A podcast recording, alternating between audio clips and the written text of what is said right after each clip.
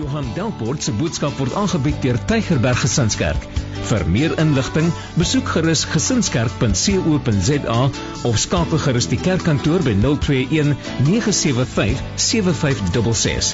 Tygerberg Gesinskerk, kom vind jou geestelike tuiste.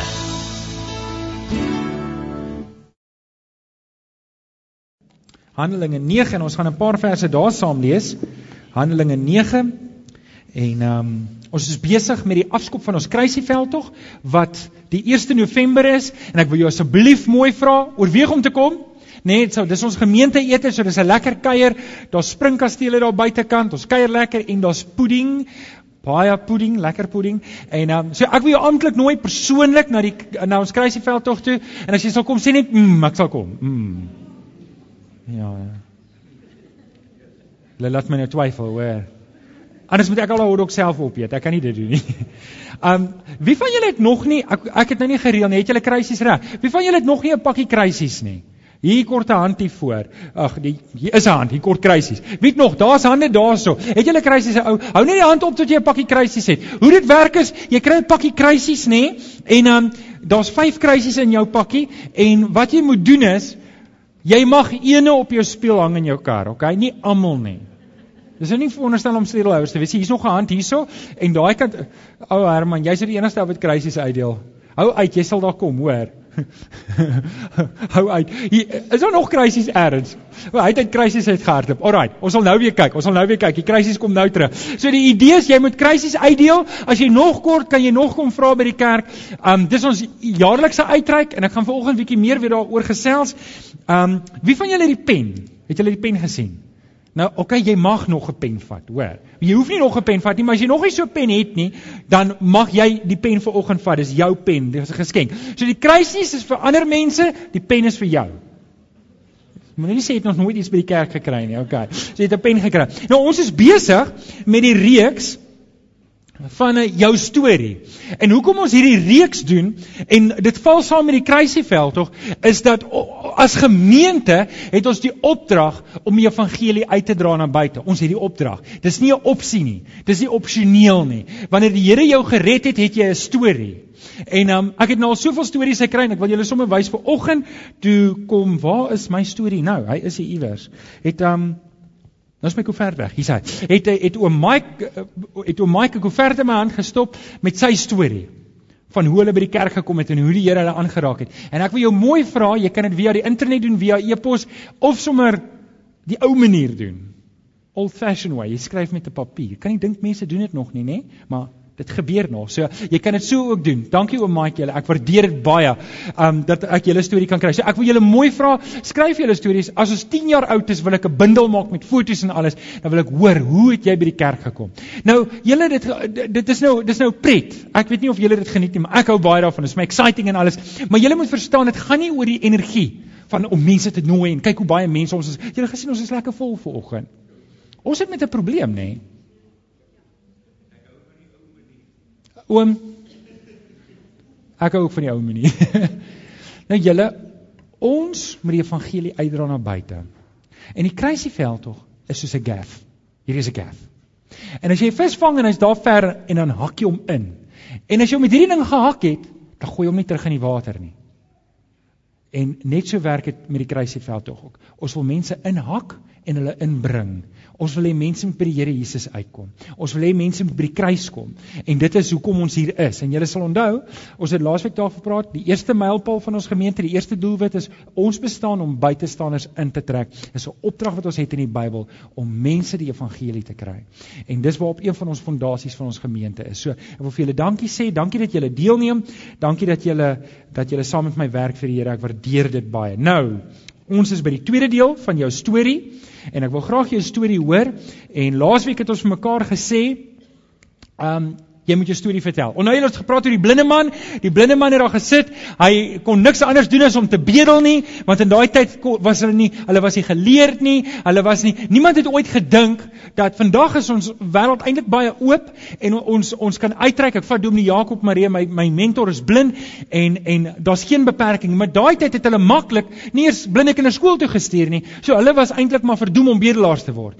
En hy het nie 'n storie gehad nie, hy het nie opvoeding gehad nie, maar toe die Here Jesus hom aanraak raak, Toe kon hy sien en hy het 'n storie. En ek wil hê jy moet vanoggend hierdie ding mooi verstaan as ek net weer kan opsom van laas week. Dit maak nie saak wat jou agtergrond is nie. Dit maak nie saak hoe hoe arm jy groot geword het of wat jou opvoeding is. Dalk het jy niks nie. Dalk het jy dalk is jy nul op 'n kontrak. Maar wanneer die Here Jesus jou aanraak, doen hy iets vir jou en hy gee jou 'n storie. En jy moet daai storie vertel. Nou vanoggend gaan ons verder en ons kom by Handelinge 9 wat sê ons moenie net ons storie vertel nie, maar ons moet ons storie leef. Lees saam met my in Handelinge 9. Miskien kan ek net dit sê.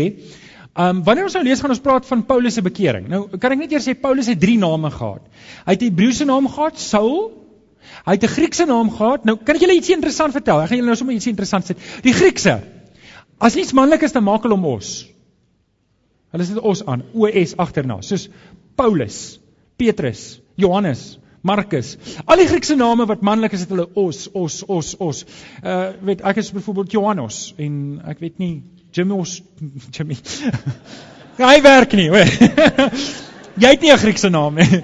So Paulus het Paulus het 'n het 'n Arameese, is 'n Hebreëse naam gehad, Saul. En toe die Grieke gegaan, hulle het 'n os aangesit, Saulus. En my het ook 'n hy het ook 'n Romeinse naam gehad. En dit was Paulus. So julle moet weet wanneer ons lees van Saulus en van Saul en van Paulus, dis dit altyd dieselfde persoon, maar dit kom elke keer van 'n ander angle uit. Nou net so ietsie interessant, hoekom Paulus sy Romeinse naam ook gehad het, want hy was 'n Romeinse burger. En dit is hoekom terwyl al die al die ander apostels hy uitsluitende vir Johannes, hoor hulle nis, uh, geen lysie sê van die vroue, um was hy sy hy was onthoof. Nou glo dit of nie, dit was nou 'n easy way out geweest want 'n uh, Romeinse burger mag nie gemartel gewees het nie. So hulle mag hom nie gemartel het tot die dood nie, hulle moes net sy kop afkap. Boef. Dit klink nie vir my soos 'n guns nie, maar hulle het gedink dis 'n guns. OK, net vir ietsie nog interessant op hier, kan ek julle nog ietsie interessant vertel? Die vrouens se naam het altyd geëindig op 'n A of 'n E. Maria, Magdalena, Isabella. Het julle nog name wat Martha, wie nog? Nee, Jolene is nou nie 'n Griekse. Maar maar julle weet van die Bybelse name. So in die Nuwe Testament, net julle weet, is baie maklik om agter te kom wanneer 'n vrou 'n vrou was en 'n man 'n man was. A os. So maklik soos dit. okay, daai het julle. So maar net vir interessant, maak 'n nota daarvan as dit vir jou kan help. Handelinge 9 vers 1 tot 18. Terwyl ons Bybels oop is, um dink ek Ek moet dalk net hierdie ding sê. Ek wou dit vroeër gesê het, maar kom ek sê dit nou. Wie van julle het my e-pos gekry in die week? OK. Wie van julle het nie 'n oproep of 'n boodskap gekry van Tannie Noulie nie? Steek gou op die hande. OK, dit beteken jou inligting is vir een of ander rede verkeerd op die database. Asseblief vul vir my 'n kaartjie in. As jy nie 'n boodskap gekry het van haar um, op jou telefoon nie, vul vir my in dat ons net jou regte besonderhede kry want dan het ons iewers jou inligting verkeerd. OK, nou dit gesê. Julle 2 weke terug het die NG Kerk 'n baie groot besluit geneem. Nou die die beginsel van my e-pos was basies dit en ek wil hê julle moet dit net hoor. Die beginsel was nie om te hoor vir wie ons is of teen wie ons is nie. En in daai dokument wat ek vir jou aangestuur het per e-pos het ek dit gesê. Die Bybel maak dit duidelik. Die kultuur moet aanpas by die woord. Nie die woord by die kultuur nie. En julle tot nou toe ek kritiseer geen kerk nooit nie. Ek het nie 'n ding om ander kerke te kritiseer nie, maar hierdie moet gesê word. Dat die NG Kerk se besluit is twee stappe weg van die woord van die Here af. En julle moet dit hoor en julle moet dit verstaan dat dit maak die deur oop vir baie ander goed wat ook kan gebeur. En die woord maak dit duidelik. Die woord eis toewyding. Die woord eis gehoorsaamheid. Die woord laat nie spasie oop om te sê, hoor hierdan kan julle gehoorsaam wees, hierdan hoef julle nie gehoorsaam te wees nie. Hierdie is hierdie is so, hierdie is so nie. Die woord gee die baan waarop ons moet loop. En ek wil julle moet verstaan, ons as gemeente, ons kies die pad van die woord van die Here. Julle behoort van my te verwag. Amen. Amen. Nou dit gesê. Handelinge 9 Kom ons lees saam. Ek gaan 'n paar verse lees so. Luister lekker saam. Volg my in jou Bybel. Um Saulus se bekering. Intussen het Saulus soos 'n besetene voortgegaan om die volgelinge van die Here met die dood te dreig. Hy het na die hoofpriesters toe gegaan en van hom uh, hoe ehm um, bekendstellingsbriewe aan die sinagoges in Damaskus gevra. Sy doel was om al die aanhangers van die leer van die Here wat hy daar kry, mans sowel as vrouens gevange te neem en na Jerusalem toe terug te bring. So wat hy gedoen het, hy het 'n brief gekry van die regter om te sê, luister, ek mag jou arresteer en ek mag jou inbring om verhoor te word. Maak nie saak waar jy is nie. Toe hy op reis naby Damaskus kom, het daar skielike lig uit die hemel op hom neergestraal. Hy het op die grond neergeval en 'n stem 'n stem het vir hom hoor sê: "Saul, Saul, hoor jy daar's die Hebreëse naam. Waarom vervolg jy my? Wie is U, Here?" vra hy toe. "Ek is Jesus," antwoord hy. "Dit is vir my wat jy vervolg. Maar staan op en gaan na die stad toe. Daar sal vir jou gesê word wat jy moet doen." Nou ek wil net daar pos. Ek wil net daar pos. Ek gaan hierdie teksgedeelte en dan wil ek net vir julle die laaste vers lees van um, hierdie gedeelte in vers 31 staan daar in hele Judea en Galilea en Samaria het die kerke tyd van rus en vrede beleef. Dit het gefestig geraak en gehoorsaam aan die Here gelewe. Die kerk is deur die Heilige Gees versterk en die ledetaal het toegeneem. Ek wil hê julle moet hoor wat gebeur wanneer die kerk gevestig geraak het en gehoorsaamheid aan die Here gelewe. Hulle het in gehoorsaamheid aan die Here gelewe en die kerk het ge Die kerk het ge groei. Ek wil hê julle moet mooi verstaan wanneer ons gehoorsaam is aan die woord van die Here, is dit 'n natuurlike byproduk. Gaan ons vervolg word? Ja, ons gaan vervolg word. Maar as ons gehoorsaam is aan die woord van die Here, dan gaan die kerk groei. En ek wil vir julle dankie sê. Dankie dat julle gehoorsaam is aan die Here. Nou alraai, Paulus het tot bekering gekom. Hier kry ons nou vir Paulus. Baie baie lekker stuk om te kyk. Ons het laasweek gekyk, vertel jou storie. Vanoggend gaan ons verder leef jou storie. Nou Paulus het 'n baie mooi CV gehad. Ek weet nie of julle weet nie, maar Paulus was 'n fariseer. Hy was 'n skrifgeleerde. Hy was op die 8ste dag was hy besny. En uh, bo dit alles was hy 'n Romeinse soldaat. Nou ek weet nie wie van julle onthou die 80s nie, maar in die 80s het dit so gewerk, as jy Afrikaans gepraat het, jy was in die NG Kerk, jy het NP gestem en jy het 'n 3 liter Ford Cortina gery, you were living the dream. Onthou julle daai tyd? OK. En ehm um, as jy gelukkig was en jy het 'n dubbel garage gehad en jy het 'n swembad, dan was jy ook ryk, nê? Nee? Goeie dae, nê? Nee? Hoeveel het dit nie verander nie. Nou Paulus, he was living the dream. Elke Jood het na Paulus gekyk en gesê, dis die toonbeeld van hoe 'n man moet lyk. Hy's hy's 'n man in die kerk en hy's hy doen al die regte geleide en en hy hy staan oral. Paulus, as jy 'n foto wou gemaak het van enige ou se begeerte, dan was Paulus daai prentjie. Nou ek wil hê julle moet verstaan dat dat die prentjie wat ek en jy maak baie keer is nie God se prentjie van ideaal nie. Want sien Paulus het alles reg gehad en alhoewel hy die voorbeeld was van manlikheid in daai tyd, het hy nie 'n verhouding met God gehad nie. Hy het nie 'n verhouding met die Here gehad nie. En dit kan hier wees dat ek en jy alles agter mekaar het. Ons het alles mooi in plek, maar ek het nie 'n verhouding met die Here nie. Mense kyk na my en sê, "Joep, jy's so 'n ideale persoon. Jy's so 'n voorbeeldige persoon, maar jy het nie 'n verhouding met die Here nie." En dis hoekom ek laasweek vir julle mooi gesê het, julle ek wil hierdie vraag vra, is jy gered? Is jy gered? In die week vra 'n vroutjie vir my, ek moet vir haar kom kuier. Ek kom sit daar by my, sy sê vir my, "Johannek is nie gered nie." En daar sit sy en sy gee haar hart vir die Here. En ek sy sit ook ver oggend hier, so ek is baie opgewonde om hierdie storie te vertel. Ek het nie vir haar gesê ek gaan die storie vertel nie, maar ek is so opgewonde. Die Here red nog vandag mense. Sê 'n bietjie amen toe. Weet julle die Here is goed en as jy hom gaan probeer, as jy 'n oorgawe gaan maak aan die Here, hoor mooi, jy sal nie spyt wees nie, jy sal nie berou hê as jy 'n volle oorgawe maak aan die Here nie. Probeer die Here, probeer hom, gee oor vir die Here. Kyk wat hy vir jou kan doen. Kyk hoe kan hy jou lewe verander. Weet jy wat? Paulus het hierdie belewenis gehad. Jesus will rock your world. Amen. Amen. As jy 'n oorgawe maak aan die Here, jy sal nie spyt wees nie. Hier's waar Paulus is. Hy kom op hierdie plek en die Here raak hom aan. Handelinge 9 is 'n draaipunt in die kerk se geskiedenis. Na Handelinge 9 sou niks ooit weer dieselfde wees nie. Kan jy dink hier's 'n man wat God se kinders haat? Hy haat die kerk, hy volg mense op, hy hy arresteer mense, hy gooi hulle in die tronk. Wie van julle sit hier was al vervolg vir jou geloof? Moenie skaam wees nie. Okay, op 'n klein minder of meerdere mate, nê? En en hier's Paulus en hy doen aktiewe vervolging en die Here maak hom blind. Die blinde ma man maak hy sien en die man wat sien maak hy blind. Hoe hoe wonderlik werk die Here. Hy werk met almal anders, nê. Nee. Hy maak hom blind en hy kom met 'n stem en hy sê, die ou vertaling sê, "Waarom skop jy teen die prikkels?" Dis amper asof die Here vir Paulus sê, "Paulus, jy's so naby, maar jy's so ver. Jy's so naby om op die weg te kom. Jy dien my so uit jou hart uit en met passie, maar jy het nie 'n verhouding. Jy soek die verkeerde dinge." En die Here sê vir hom, "Tot hier toe en nie verder nie. Hier trek ek 'n lyn. Ek maak jou blind." En die manne wat daar rond staan, hulle hoor die stem, maar hulle sien niks nie. En Paulus is blind en hulle lei vir Paulus na Damaskus toe.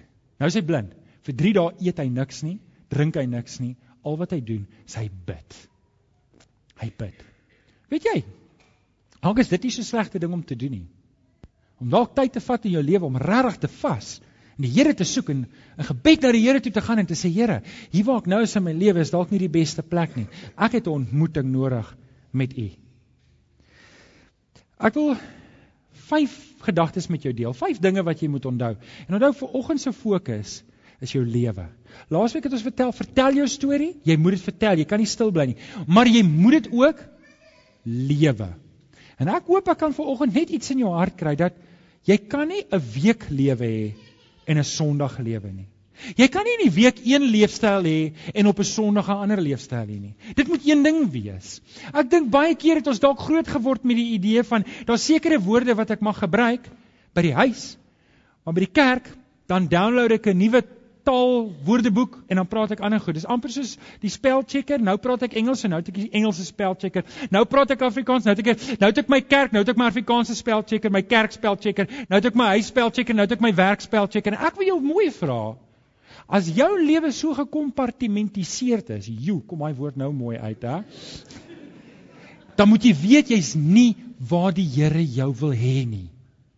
Jou lewe moet verander. As jou lewe nie op die week dieselfde lyk as op 'n Sondag nie, dan is die kans goed jy het nog nie 'n volle oorgawe gemaak aan die Here nie. Hoor jy ek probeer julle uitdaag.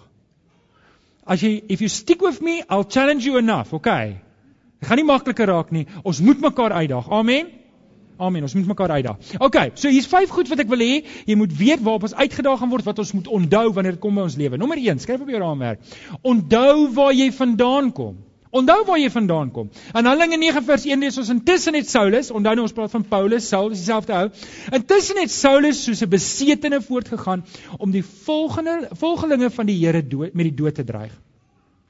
Nou, ek dink ons het Paulus leer ken as die sendeling, die eerste en die tweede en die derde sendeling. Ons sendingreis, ons ken vir Paulus as die een wat in die tronk was. Ons ken Paulus as die een wat amper 2/3 van die Nuwe Testament geskryf het. Maar ons ken nie regtig hierdie deel, hierdie skadukant, die kas vol geraamtes nie. En julle baie keer deur Paulus se briewe laat hy dit deurskemer, hy voel sleg oor wat hy gedoen het. Hy voel sleg dat hy God vervolg het. Hy voel sleg daaroor en dit is asof hy in in in teenreaksie sy hele lewe oorgee om te sê ek moet dit regmaak. En en hierdie ou het 'n dryf gehad tot die einde toe. Hy het homself gedryf om die evangelie uit te dra want hy het geweet waar hy vandaan kom. Partykeer is dit goed om te onthou waar ek vandaan kom. Hierdie Paulus het 'n drastiese bekering gehad. Ek weet nie hoe lyk jou lewe? Waar kom jy vandaan? Waar was jy voordat die Here jou gekry het? Hoe het jou lewe gelyk? Kan jy dit onthou? Kan jy onthou? Want sien baie keer dan raak ons 'n bietjie complacent, is 'n mooi Afrikaanse woord, van hoe my lewe nou is. Maar ons vergeet waar die Here my gaan uithaal het. Ons het altyd op skool gesê, as jy 'n ou wil beledig en sê, "Waar kom jy vandaan?" het jou ma jou met 'n Marie biscuit uit die drein uitgelok. is is rof, nee. Maar julle, dis my lewe. Ek was in die drein, ek onthou dit. Julle, ek kan nie vir julle hier sê hoe skief my lewe was voor die Here my gered het nie. En daarom julle kan ek hier met groot vrymoedigheid staan en vir julle sê, die Here red regtig. Ek weet, I've been there. Ek het nie 'n perfekte lewe gehad nie, ek het dit nie gehad nie, ek beloof julle. En julle wanneer ek vir mense sê hulle moet tot bekering kom en hulle sê moenie oordeel nie. Julle dis die grootste snerp. As jy nie vir 'n ou kan sê kom tot bekering nie, hoe gaan hy by die Here Jesus uitkom? Hoe gaan hy sy Here sy lewe regmaak? Hoe gaan hy 'n nuwe lewe begin leef as ons sê o moenie oordeel nie? Dis die grootste twak wat ek al ooit gehoor het. Julle wanneer ek vir iemand sê tot bekering, dan sê ek dit uit liefde uit uit die woord van die Here want ek wil hê mense moet gered word. Nie omdat ek nie wil o ons moet polities korrek wees nie. Dis nonsens. Julle hoor my hart. Hoor my hart. Ek is lief vir almal. Daar is nie 'n sonde wat in jou lewe nou kan wees wat sal maak dat ek nie lief is vir jou nie. Ek het al mense gehad in my kantoor wat vir my horribale goed vertel het. En weet julle eerlik kan ek voor julle sit van ek het my vlees jare terug gekruisig wat hierdie goed betref. Ek weet waar die Here my uit gaan haal het en ek was jonk en ek kan net dink hoe skeef my pad sou loop as ek aangehou het op daai pad. Maar die Here het my gered, genade alleen. Ek oordeel niemand nie. Maar my boodskap is dieselfde. Jy moet by die Here Jesus uitkom. Amen. OK, so onthou waar jy vandaan kom. Onthou dit. Nommer 2. Onthou wat die Here gedoen het. Onthou wat die Here gedoen het. Handelinge 9 vers 3 lees ons: Toe hy op sy reis naby Damaskus kom, het daar skielik 'n lig uit die hemel op hom gestraal. Hy het ontmoeting met die Here gehad. Hy het op die grond neergeval en 'n stem vir hom hoor sê: "Saul, Saul, waarom vervolg jy my?" Hierdie dramatiese bekering van Paulus. Weet julle, hier's Paulus nou blind en hy het, ek wonder wat moes in sy hart aangaan dat hy alles waarvoor hy geleef het, alles wat hy gedink het is reg, alles wat hy sy hele lewe in gefokus het, in een oomblik besef hy is verkeerd. Die mat is onder hom uitgeruk. Hier is hy. Hy 3 dae wat hy nou alleen is by homself wat hy hierdie ding moet uitsorteer voor die Here. Ek weet baie van ons het traumatiese dinge deurgegaan in ons lewens. Baie van julle wat hier sit is deur 'n regtig rowwe tyd, deur traumatiese tyd. Paar van julle is deur 'n egskeiding en jy het regtig seer gekry, dis nie wat jy wou gehad het nie. Baie van julle is hier deur dalk finansiële ek weet nie, jy's bankrot gewees, jy het alles verloor. 'n Paar van julle het dalk dat slegte dinge in jou lewe gebeur, wat dit ook al was. Ek weet nie waar jy vandaan kom nie. Maar jy kan toelaat en daai ding as 'n offer bring vir die Here om te sê Here, hierdie kan 'n oomblik word saam met U. Iemand het eendag gesê he will make a message out of my mess. Ek dink daar steek baie waarheid. Maak nie saak hoe stukkend jou lewe was nie. Maak nie saak hoe stukkend jou lewe nou is nie. Maar wanneer jy daai lewe as 'n offer vir die Here bring, Romeine 8 vers 28 is waar alles werk in goeie mee vir die wat hom liefhet.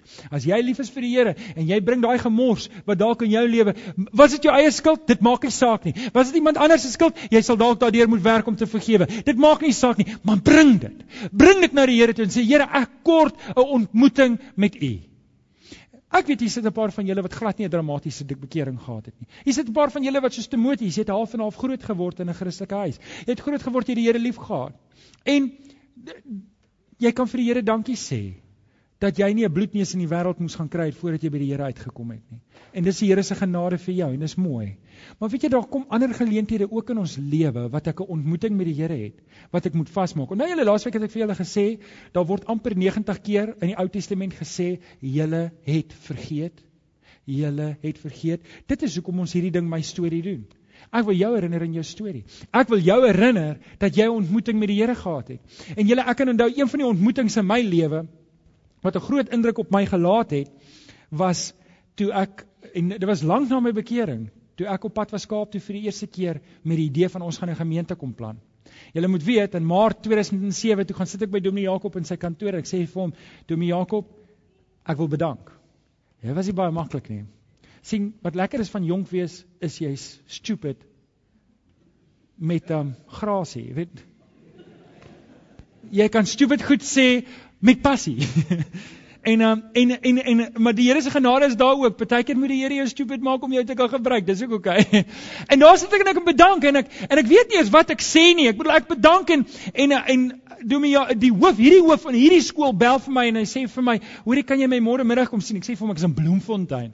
Hy maak met my afspraak. Ek klim in my kar, ek laai my vrou en my kinders agter die kar. 27 Junie 2007 ry ek in die Karoo. En ek het al hierdie storie vertel, maar vir die wat julle wat dit nog nie gehoor het nie, en die son kom op in die Karoo. Dis winter. Dis koud. En ek sien my twee kinders slaap agter in hulle stoeltjies. En ek sien my vrou slaap.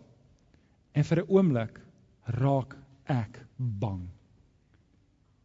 En ek begin myself, ek sink in 'n gat en al ooit dit ervaar wat jy sink in 'n gat in diep diep diep diep. En ek sê vir myself, wat het ek nou gemaak? Ek het 'n goeie, stabiele werk, net bedank. Ek kom Kaap toe, hier's niks nie. Maar weet julle terwyl ek so ry, is dit asof die Heilige Gees in my lewe net vir my sê, "Maar sê, dit gaan oukei okay wees. Dit gaan oukei okay wees. Julle, ek wil vir julle sê daar was moeilike tye. Daar was moeilike tye, maar julle, dit was die Here. Dit was die Here se roeping. Kyk om jou. Dis wat die Here gedoen het. Dit was die Here se werk.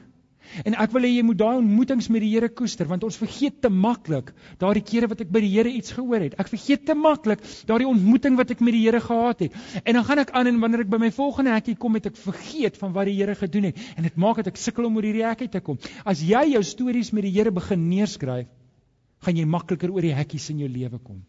Die Here gaan vir jou help. Onthou wat die Here vir jou gedoen het. Nommer 3. Jy moet onthou dat hy jou gekies het. Hy het jou gekies. Handelinge 9 vers 15. Toe sê die Here vir Ananias, nou is ons 'n bietjie verder. Julle gaan nou hoor, gaan nou die storie inkleer vir julle. Gaan na Saulus, want ek het hom gekies as my werktuig om my naam uit te dra onder die heidene nasies en hulle konings en ook aan onder Israel. Nou, het jy ooit gevoel die Here maak 'n fout? Het jy ooit jy het dit nie gesê nie, maar jy dink, Here, is dit nie 'n fout nie? Asof hier gebeur iets en jy sê, Here, Het u dalk die Koran vanoggend gelees of gister gelees? Weet uh, weet partykeer het ons mos 'n cheek om goed te dink sonder om dit te sê. En en dis presies wat Ananias doen.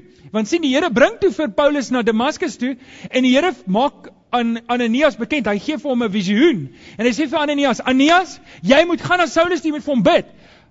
Maar so hy sê: "Wow, wow, Here, weet u wie hierdie man is?" Saulus vervolg mense. Hy's nou hier, hy het nou juis 'n lasbrief gekry. Nou weet weet half en half, ek gee nou nie om om hard te werk nie, maar jy moet ek nou vir hom gaan bid hier by hom. Hy het klaar lasbrief, hy gaan maar arresteer. Kan jy hulle hoor dit is 'n Het jy ooit gewonder, Here, doen U die regte ding? Het jy ooit gewonder, Here, waarmee is U nou besig? Ek wil hê jy moet hierdie ding nou vasmaak in jou lewe met die Here. Die Here maak nie foute nie. Sê vir die ou langs aan die Here maak nie foute nie. Hoorie, hoorie. Die Here maak nie foute nie. Nooit nie. Jy mag foute maak, maar die Here maak nie foute nie. En weet jy hoe wonderlik is die Here? Selfs al maak jy foute, maak hy nog steeds nie foute nie. Kry julle die punt? Die Here maak nie foute nie. OK? Hy het vir Paulus geroep. En hy sê, hy sê vir Ananias, gaan bid vir hom. Hoekom? Want ek het 'n plan met Paulus. En ek wil vanoggend vir sê die Here het 'n plan met jou. Maak nie saak wat jou naam is nie. Roan en Deedrey, die Here het 'n plan met julle. Rian, die Here het 'n plan met jou. Ek kan nou net random name hê. Etna, die Here het 'n plan met jou. OK? Wie kan ek nog uitpik om Koos? Is daar iemand wat hand op wil steek kan pik ek op jou? Tannie Luna, die Here het 'n plan met tannie. Ek het al baie keer vir julle gesê, maak so Solank jy asem in jou longe het, het die Here 'n plan met jou. As hy nie meer 'n plan met jou gehad het nie, was jy by hom gewees. OK? Sê nie vir jou langs in die Here te plan met jou. OK. Mag ek jou dalk skok? Die plan is dalk nie wat jy gedink het dit is nie. Nou dis waar die probleem kom. Want sien, ek wil vir die Here sê hoe dinge moet wees. Here, Kom vra my net eers raad voordat jy besluit neem, want ek net eintlik sê wat my planne is voordat jy weet weet hoor net wat my skedule is voordat jy enige planne verder maak dat ek net dat ons net op dieselfde bladsy is. En julle deel van 'n oorgawe, deel van 'n roeping is om my hele lewe oor te gee onverwaarlik om te sê, Here, ek is klein in u hande. U is die pottebakker. Ek wil nie meer nie. Julle wat die besluite wat ek self geneem het, mors ek net in elk geval op. Die beste, die beste is maar eintlik 'n opmorsing. Vandat ek my lewe heeltemal vir die Here gegee het, het het het het het het het sy planne in my lewe. Ek kan onthou, ek kan onthou in in 1999. Waar is Tanya? Sy's al bo. Toe vra Parow Baptiste Kerk vir my en Tanya om hier te kom preek.